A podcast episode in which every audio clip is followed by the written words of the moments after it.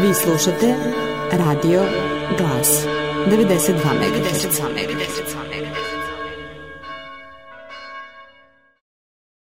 Pomaže Bog, poštovani slušalci. Na praznik sabora Svetoga Jovana, proroka, preteče i krstitelja gospodnjeg, navršit će se godinu dana od upokojenja protođakona Vladimira Jaramaza, koji je Bogu i rodu služio pri sabornom hramu Vaskrsenja Hristova u Podgorici. Tim povodom o liku i životnom delu blaženo počišeg protođakona razgovaramo sa katihetom Branislavom Ilićem iz Novog Sada, prijateljem počivšeg oca vlade, o kojem je do sada priredio i nekoliko molitvenih tekstova. Branislave, pomaže Bog. Bog vam pomogao. Hvala na prilici da ispunjeni prazničnom radošću i poprazničnom radošću promišljamo i govorimo o liku i delu blažno počivšeg protođakona Vladimira Jarama za našeg brata, prijatelja, koji je kao jedan od nas ceo svoj život posvetio Hristu Bogu i upravo kao onaj koji je od najmanjeg uzrasta pa do, pa do svog upokojenja bio zagledan u Hrista i zadivljen životom u crkvi Hristovoj, pohitao ka svome gospodu upravo u ovim velikim danima, kada, eto, gotovo ceo januar mesec posvećujemo sveštenim događajima iz domostroja našega spasenja, počev od praznika roždestva Hristova preko obrezanja gospodnjeg, pa eto i praznika Svetog Bogojavljenja, javljanja trojičnog Boga na Jordanu, koji ćemo eto proslaviti skoro do kraja ovog meseca, te u tom duhu a, u našem biću osjećamo veliku duhovnu radost, jer ovo su praznici velike radosti, ali sa jedne strane i molitvenu potrebu da a, upravo u ovoj radosti govorimo i promišljamo o našem blažnopočivšem protođakonu, koji je zaista ne samo o prazničnim danima, nego svakoga dana svoga života svedočio tu i takvu radost na koju nas Gospod poziva i koja bi trebala da bude odlika hrišćanskog života. U tom duhu još jednom blagodarim vašoj redakciji što je ukazala i meni čast i priliku da upravo u duhu godišnjice upokojenja protođakona Vladimira, da kažemo neku reč o njemu, da se prisetimo njega, iako je on večno živ u srcima svih nas. Na samom početku našeg razgovora podelite vaša sećanja na blaženo počišet protođakona Vladimira i kažite nam neke detalje u pogledu vašeg prijateljstva. Zaista je teško govoriti sećanja na protođakona, jer ja još uvek, moram to da priznam, nemam osjećaj da je on otišao od nas, jer kao što rekao, on je živ u našim srcima, a crkva je kao bogočovečanski organizam ona koja sjedinjuje zemlju i nebo. Te u tom duhu, a sledujući se to pisamskim rečima, koje je i sam gospod rekao da u njemu nema podele na žive i na upokojene, jer su svi večno živi pred njim. Ja u tom duhu i jedino mogu da govorim o našem a, pokojnom a, protođakonu Vladimiru, a, koji je zaista a, u našem prijateljstvu, koje po nekim, rekli bismo, ljudskim merilima nije dugo trajalo svega a, pet godina, ali tih pet godina našega prijateljstva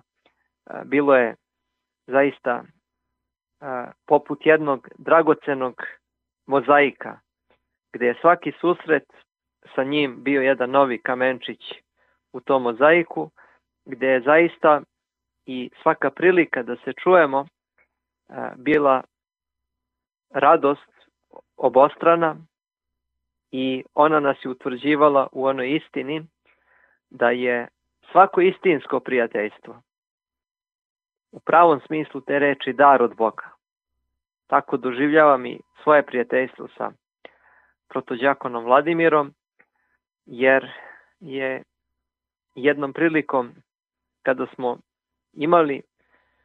a, razloga da upravo promišljamo i govorimo o značaju prijateljstva, on je mene tom prilikom i podsjetio na jednu značajnu osveštanu činjenicu, a to je da je Hristos svoje apostole nazvao prijateljima svojim. I upravo kada čitamo poslanicu Antuse majke Svetog Jovana Zlotousta, poslanicu o prijateljstvu, ona tamo navodi da imati pravog prijatelja znači imati drugoga sebe. I kao što rekoh, naše prijateljstvo nije dugo trajalo po ovo zemaljskim merilima, svega pet godina, i, ali moram priznati i reći da je to prijateljstvo za čitavu večnost. Ono još uvek traje i trajaće a, u tom molitvenom smislu pred gospodom, jer ja zaista ne mogu da govorim o protođakonu Vladimiru kao bivšem prijatelju, nego kao večnom bratu i prijatelju i onome koji je kao stariji prednjačio ispred mene, ispred mnogih i bio nam učitelj. A, jeste bio i brat i prijatelj, ali u mnogo čemu bio je učitelj. Učitelj kako se voli bogosluženje, učitelj kako se pristupa sveštenom bogosluženju, učitelj životne radosti, učitelj kakav odnos trebamo da imamo jedni prema drugima, jer po svedočenju mnogih, pa i lično mogu da posvedočim, naš otac Vladimir je svakom čoveku pristupao sa puno ljubavi. Sve dok sam i sam, kada smo se prvi put sreli, taj susret je bio tako čudesan da se on ponašao prema meni kao da se mi znamo čitav život. Takav je bio, ispunjen ljubavlju, jer je u svakom čoveku video lik Božiji. Svakom čoveku se istinski radovao. I za njega je susret sa drugim čovekom bio ravan susretu sa Bogom, jer to nije slučajno,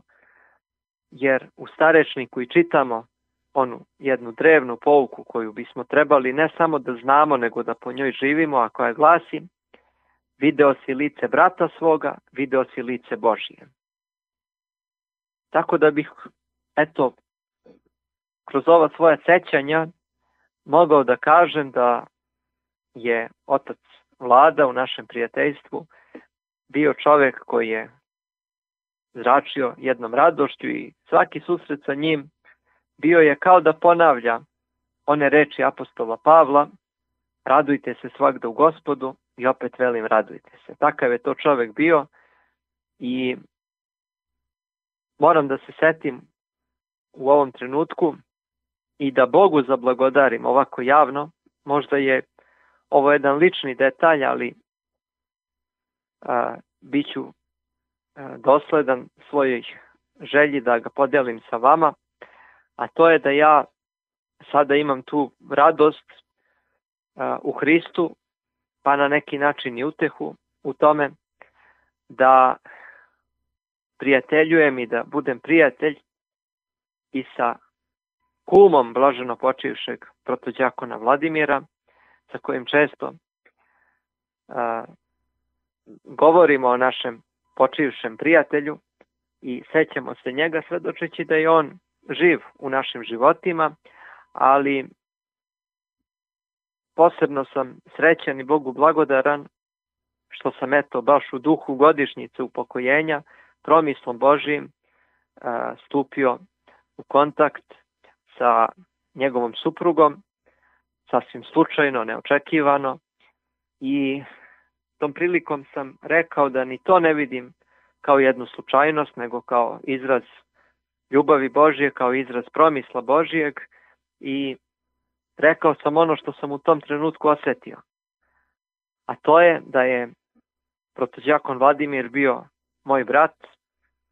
a da je njegova supruga a, u pravom smislu te reči moja sestra. I to zaista osetim i iskreno kažem, jer iako otac vlada nije tu sa nama, ja kroz njegovu domaću crkvu, kroz njegovu suprugu, kroz njegovu decu, kroz njegovog kuma, jednog od velikih sveštenika i propovednika današnjice, čoveka koji je ispunjen ljubavlju i prema Bogu i prema bližnjima, vidim i osetim tu zajednicu sa našim protođakonom. Tako da gospod u pravom smislu te reči nama daje smernice i putokaze, a naše srce je to koje treba da prepozna te određene smernice i da po njima hodi i živi i da i ovaj razgovor koji smo posvetili protođakonu Vladimiru, ali i svaki susret sa onima koji su njemu bili bliski, pa čak eto i sa onima koji su u srodstvu bili sa njim, treba da bude velika radost i prilika da se uvek setimo njega i pre svega molitveno, ali i da njega zamolimo da on u, našim, u svojim molitvama ne zaboravi sve nas. Da li se sećate vašeg prvog susreta sa protođakonom? A, sećam se pre svega a, jedna činjenica koja dokazuje da je to bio liturgijski čovek i čovek koji je e, ne samo živeo liturgijom, nego je celoga svoga života ugrađivao sebe u tu liturgiju, e, svedoči i to da je naš prvi susret e, bio kada je on mene pozvao i zamolio me da svoj autorski tekst koji sam nekoliko dana pre toga napisao i priredio, a bio je posvećen e, liturgiji svetog apostola Jakova,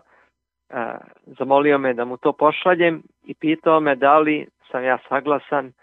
da se tekst e, štampa u više stotina primeraka kako bi se podelio vernom narodu u dan praznovanja svetog apostola Jakova, jer su oni toga dana po blagoslovu blaženo počivšeg mitropolita Amfilohija u Podgoričkom sabornom hramu služili Jakovljevu liturgiju i vidite kako je on bio pažljiv i brižan, budući da se liturgija Jakovljeva služi svega dva puta u godini, on je mislio o svakom verniku koji se toga dana nađe u hram i izrazio želju da taj tekst koji sam priredio svaki vernik dobije kako bi mu bilo jasnije kada je nastala ta liturgija, šta se na njoj dešava i kako bi ti vernici mogli da prate tok svete liturgije. To je bio naš prvi susret. Kasnije smo se, naravno sretali smo se mi dok je blažno počivši mitropolit Amfilohije uh, i zamenjivao patrijarha Pavla u Beogradu i kasnije sretali smo se i u Beogradu i po Crnoj Gori, ali se nismo lično poznavali, ali ovo je nekako jedan trenutak kada smo se prvi put čuli, upoznali, kasnije smo se više puta sretali u Crnoj Gori. Slobodno mogu reći da nije bilo mog odlaska u Crnu Goru, a da se mi nas dvojice, bar na kratko, ne vidimo. I zaista je, iako je bio uvek u nekim obavezama i veoma aktivan, živahan čovek, on je uvek našao načina da svakoga čoveka ispoštuje, da svakome posveti svoje vreme, svoju pažnju, jer on je bio čovek širokoga srca, velike ljubavi, dobrote i uvek je bio spreman da bude u službi drugoga čoveka. Često je bio spreman da žrtvuje sebe zarad drugog i to je svedočio u svakom susretu i svaki od tih susreta bio je susret radosti, pa eto u tom duhu da kažem, eto rekao sam kako je izgledao prvi susret, a eto neko će reći da je to slučajno, ali ja ću reći da je to isto promisao Božija, da smo se mi poslednji put videli licem klicu a, 2022. godine, baš na njegov rođendan. Ja nisam znao da je 10. maja njegov rođendan, to je praznik kada mi proslavljamo spaljivanje moštiju Svetoga Save, nekoliko dana pre praznika Svetog Vasilija. Ja sam se toga dana našao u Podgorici i nalazeći se tamo pred hramom pozvao sam ga da vidim da slučajno on nije negde tu, međutim on je zaista bio tu ispred hrama, sreli smo se i on kaže brate meni je danas rođendan i tu smo se sreli i to je bio naš poslednji susret ovde na zemlji, ali smo se naravno eto, do, do veče pred njegovo pokojenje a, i čuli i zajedničarili. Tako da a, nije slučajno da je on rođen baš na praznik Svetoga Save, a, jer je taj svetosavski etos a, do poslednjeg svog izdisaja nosio u svome srcu. Životopis blaženopočivšeg protođakona Vladimira na jedan blagosloven način krasi činjenica da je on potomak svetog sveštenomučenika Rista Jaramaza. Da li biste mogli nešto detaljnije da nam kažete o ovom sveštenomučeniku, čiji svešteni primer je nesumnjivo rečju i delom sledio njegov potomak, kojem posvećujemo ovaj razgovor? Svakako i hvala vam na ovom pitanju. Poznato je da je sveti sveštenomučenik Risto Jaramaz, koji je pribrojan liku svetih 1999. godine, a čiji spomen se slavi 26. maja, rođen je 22. marta 1906. godine i poznato je da je bogosloviju završio u Srenskim Karlovcima, da je sveštenički čin primio 9. januara 1931 godine. Prema šematizmu znamo da je on posle svog rukopoloženja u svešteni čin služio u Hercegovini, u Srbiji, kasnije po svojoj želji prešao je u mitropoliju Crnogorsku, Crnogorsko-Primorsku. Drugi svetski rat on dočekuje kao Kosjerevski paroh i on je kao paroh Kosjerevski 1937. godine odlikovan crvenim pojasom e, i bio je veoma darovit sveštenik, trudoljubiv, e, objavio je veliki broj članaka u mnogim časopisima naše crkve, a pred rat je objavio i dve zbirke svojih pesama, dakle pisao je i poeziju, e, tako da je i rečiju delom služio crkvi svoje, bivajući primer svome narodu. E, otac Risto Jaramaz, sveti sveštenomučenik, je e, mučenički nastradao na, bo, na praznik sabora svetog Jovana Krstitelja 1942. godine i oni koji su ga ubili nakon dakle tog izvršenog ubistva stavili su na njega sveštenički epitrahilj, stavili su mu u ruku krst i po promislu Božijem naš blažno počivši protođakon Vladimir je u svome domu čuvao taj krvavi epitrahilj svoga pretka, svetog sveštenomučenika Rista i Ramaza i slobodno mogu reći da je celim svojim služenjem crkvi sledovao primer svoga predka i zaista se ponosio. I sve dok sam i sam koliko je puta govorio i meni koliko je radostan što je njegov predak svešteno mučenik. I eto vidite i sam je postradao u saobraćenoj nesreći dakle pre godinu dana, upravo na praznik sabora Svetoga Jovana Krstitelja, u isti dan kada i sveti sveštomučenik Hristo Ramaz polaže svoj život za svoga gospoda. E, moram da pomenem da je zaslugom protuđakona Vladimira Jaramaza 2018. godine došlo do obretenja moštiju svetog sveštenomučenika Rista, napisana je služba u njegovu čast, a takođe zaslugom našeg blaženopočivšeg protođakona u radosti istorijske proslave, u pitanju je stogodišnjica vaspostavljanja Srpske patrijaršije, 15. maja 2022. godine, deo moštiju svog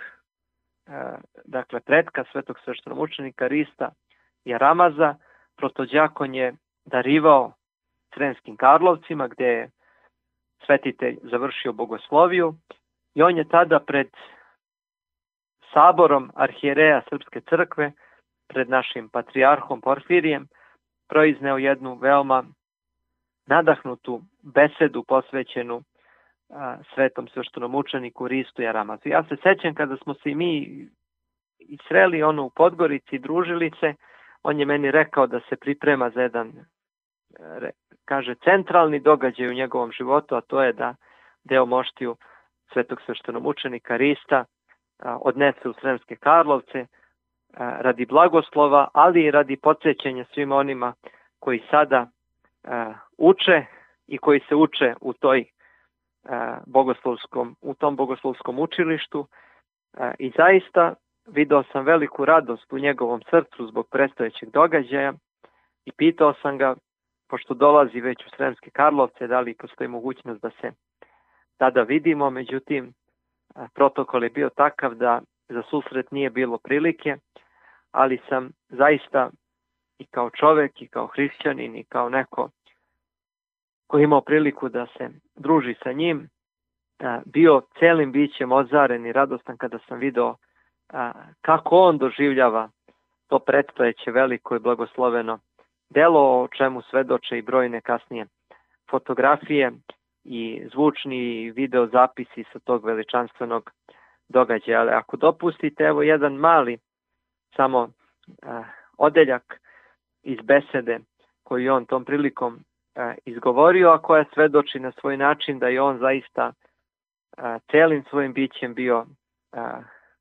blagodaran gospodu što je jedan od njegovih predaka pribrojan liku svetih. I on, upućujući molitvene reči svetom sveštenom učeniku Ristu i Aramazu, između ostaloga kaže Tvoje sveto i mučeničko telo je odgovor koji dajemo kao hrišćani na sva ljudska pitanja od postanka sveta na onu pregršt savesti u kojoj smo zapreteni imenom Hristovim i kojom razumemo i sebe i drugoga kao bića koje su naučene da vole i da žive u zajednici sa Bogom. Iz te zajednice kao tvoj od tvojih prinosim ti i ovu mantiju koju nosim kao još jedan jaramaz, koji je osenjen i oblagodaćen onim mučeničkim krstom koji su ti krvnici mrtvom u ruke metnuli, ne znajući u svom bratubilačkom slepilu da se ti od njega nisi odvajao i da i da ti nisu mogli lepšu pesmu spevati kada su te mrtva spremili. Zamislite kako čudesne reči koje samo svedoče da je protođakon svoje đakonsko služenje, svoje crkvi,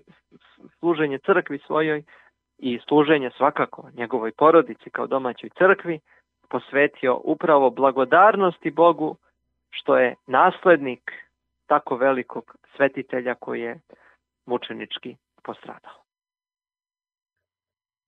Povodom tragičnog upokojenja blažnopočivšeg protođakona Vladimira u toku prošle godine priredili ste nekoliko autorskih tekstova, a slušalcima Radija Glas poznato je da se na naslovnoj strani 389. broja pravoslavnog misionara nalazi prekrasna liturgijska fotografija blažnopočivšeg protođakona – Kako ste primili vest o upokojenju svog prijatelja?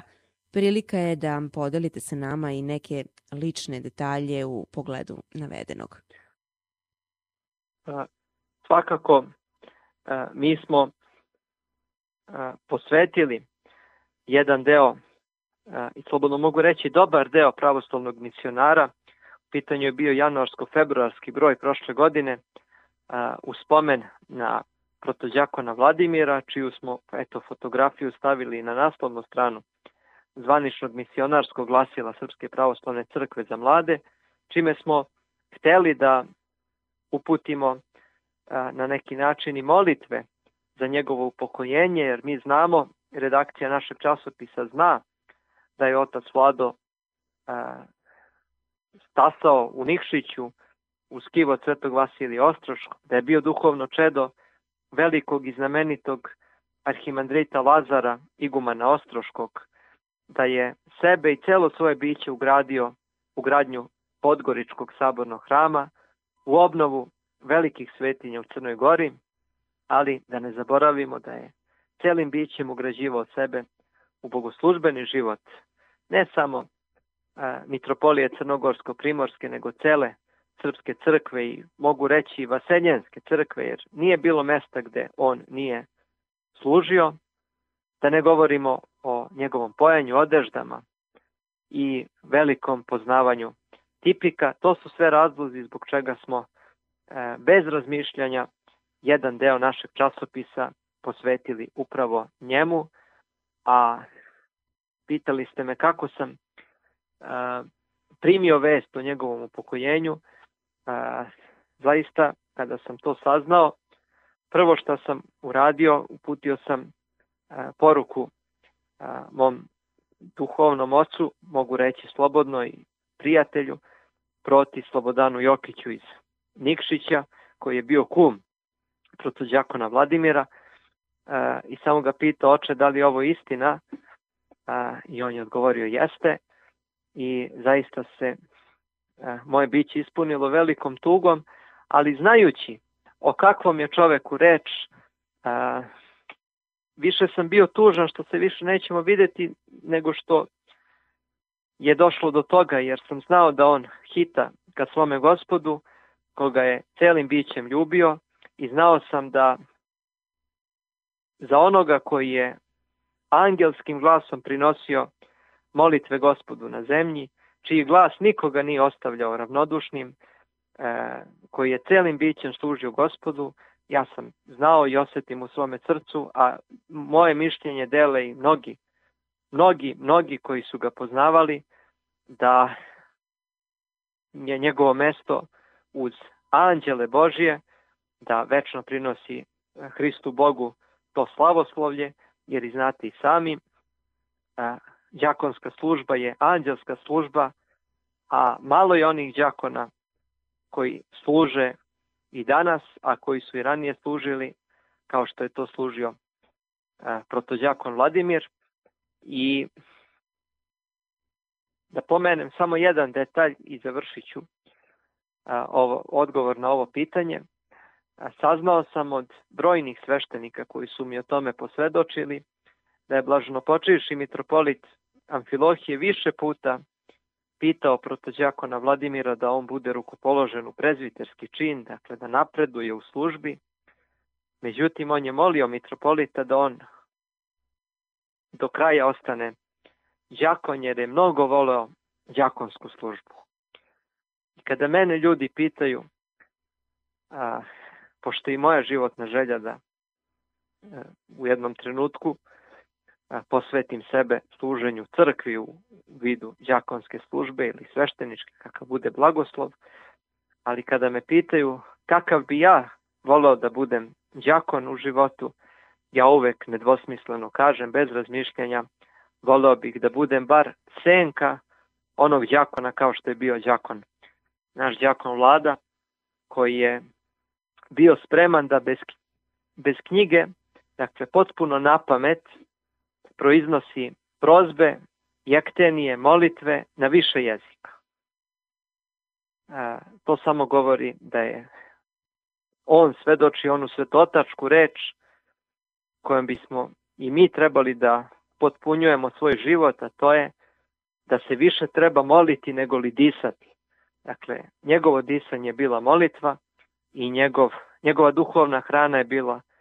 služenje liturgije,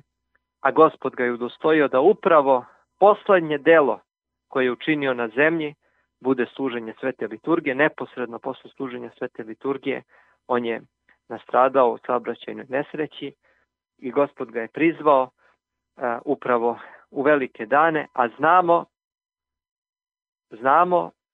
da u našem narodu često možemo da čujemo onu reč da gospod u velike dane priziva velike ljude. Eto svedočenja da je jednog velikog koji je svetlio pred nama, gospod je prizvao u ove velike dane. Na informativno-katihetskom portalu Reznica koju uređujete dostupan je iscrpan prilog u spomena protođakona Vladimira. Recite nam u kratkim crtama nešto i o ovom vidu molitvenog sećanja. Svakako, na našem portalu postoji rubrika pod nazivom U večni spomen, gde smo izdvojili a, nekoliko značajnih imena kojih se i na taj način sećamo, trudeći se da njihovo prisustvo bude svagda a, pred nama, da nas podsjećaju a, na svoj životni primer, da mi kada nastanu iskušenja i kolebanja u životu i kada se zapitamo kako ćemo dalje da se setimo tih velikih ljudi, među kojima je svakako i protođakom Vladimir, kome smo posvetili jedan deo a, ovog internet, internet prostora, a, istog dana kada smo saznali da se otac Vlada upokojio, posvetili smo jedan čitav prilog koji sada do ovog trenutka broji a, skoro 50 linkova sadržaja koji je posvećen upravo i njegovom životu i njegovom pokojenju. Doneli smo i besede sa njegovog, sa njegovog molitvenog ispraćaja u Nikšiću i čuvenu besedu oca Slobodana Jokića koja, verujte mi, sada, eto godinu dana posle odzvanja u mom srcu, mi smo tu besedu kasnije objavili u pravoslovnom misionaru uz moj autorski tekst, jer oprostite na tome, ali moram reći da je prošle godine praznik Svetog Bogojavljenja bio nekako upotpunjen jednom vaskrsnom radošću, jer molitveni ispraćaj a, našeg protođakona Vladimira više je ličio na vaskrs nego li na veliki petak, a evo još jednog znamenja da je gospod njega prizvao baš u petak. Znate da je petak dan kada se sećamo krsnog stradanja gospoda našeg Isusa Hrista. Naš otac Vlado je nastradao u petak, a sahranjen je u dan vaskrsenja, u nedelju. Ja to ne vidim kao slučajnost i to vidim kao jedan prst Boži, kao znak Boži, da je jedan veliki čovek otišao od nas, ali da je on večno prisutan u nama, u našem životu i zaista mi je teško da govorim o njemu kao čoveku koji je nekada postojao. On postoji, on živi i večno će živeti. Koja je vaša poruka slušalcima Radija Glasu u pogledu našeg razgovora i kojim biste se to molitvenim rečima obratili gospodu za dušu blažno počivšeg protođakona Vladimira? U duhu eto ovih dana i celog meseca januara, kada, kao što rekoh na početku, slavimo praznike Božjeg javljanja, znamo da svet i život kao projava, stvarnost i istina predstavljaju svojevrsno bogojavljanje, svedoče, javljaju i projavljuju Boga, njegovo postojanje i istinu života. Veličanstvenost vaseljeni sveukupnog kosmosa od nevidljivog atoma do sjajnog sunca, samim svojim, dakle, postojanjem javlja i svedoči Boga, onu svetotrojičnu ljubav i život. I liturgija kao bogojavljanje svoju istinu, smisao i cilj ima u bogojavljenju koje crkva u trepetu nade i vere iščekuje kao punoću i ispunjenje svog postojanja i života a to je Hristov dolazak u sili i slavi i vaskrsenje mrtvih. A, upravo ovu sveštenu istinu koju, na koju podsjećam vaše slušalce, znao je naš lažno počivši protođakon Vladimir, koga je gospod prizvao k sebi upravo u dan svog javljanja na Jordanu. A, svako vreme pred nas iznedri velike ljude. One koji su svojom zagledanošću u Hrista svetlili i obasjavali nam put koji je budući opterećen grehom često zatamljen. Sveti sveštenomučenik Risto Jaramaz i njegov po krvi potomak protođakon Vladimir Jaramaz su oni koji čiji primer trebamo sledovati i neka gospod upokoji dušu našeg protođakona i podari mu život večni, a molimo mi i njega da nas ima u svojim molitvama pred gospodom, a da njegovim molitvama naš život bude sjajan, kao zvezda nad, nad Vitleemom i čist kao voda Jordana nad kojim se Bog javio. A sada bih, kao što ste i zamolili, uputio molitvene reči a, gospodu za našeg protođakona, ali i za utehu njegovoj porodici, njegovoj supruzi Milici i dvema kćerkama Angelini i Divni, da ih gospod uteši, a našem protođakonu bi se obratio molitvenim mislima, rečima. Dragi naš protođakone, oče, brate, prijatelju, saborče i saputniče na našem ovozemaljskom putu. Kažu da si se upokojio, a otišao si od nas. A ja u svom srcu osetim da si sada u Hristu življi nego što si to bio dok si hodio ovom zemljom. Kao onoga koga je gospod prizvao k sebi u najsveštenijem periodu bogoslužbene godine, a kažu da gospodu velike dane privodi k sebi velike ljude, molim te da u Carstvu nebeskom pomeneš i sve nas koji te sa ljubavlju nosimo u svome srcu, ponoseći se činjenicom da si kao naš brat i prijatelj bio i ostao naša potpora. Licem k licu gledaš sada svetog Petra Cetinskog, gledaš sada i svetog Vasilija Ostroškog, svetog Stefana Piperskog, svetog Arsenija Ždreboničkog i Kosjerevskog. Gledaš sada i svetog sveštenomučenika Rista, reci im da se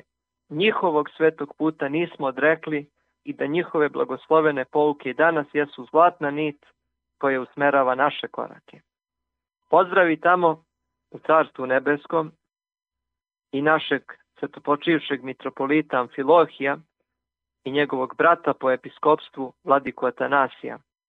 i reci im da njihova ljubav greje naše srce. Večan ti spomen i Carstvo nebesko, dragi naš protođakone. Eto, ovim rečima a, bih zaključio ovo svoje skromno kazivanje,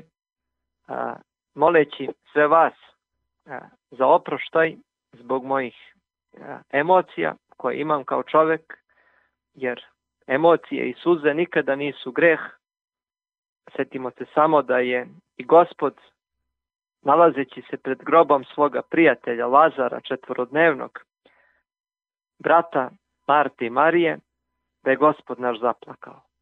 Pa su i naše suze u tom duhu blagoslovene izražavaju ljubav,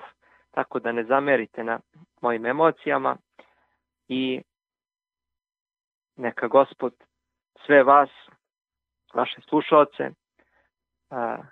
blagoslovi molitvama i svetog sveštonomučenika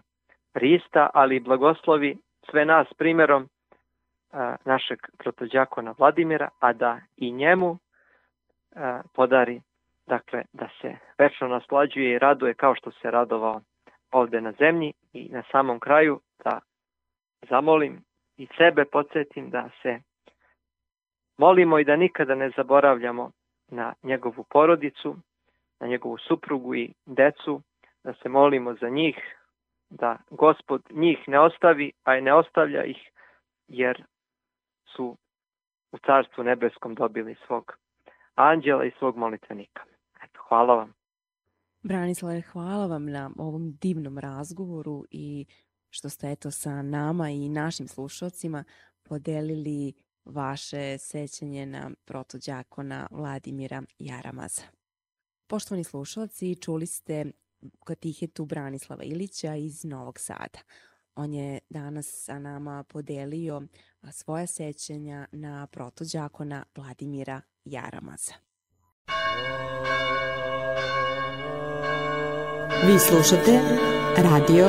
Glas 92 MHz.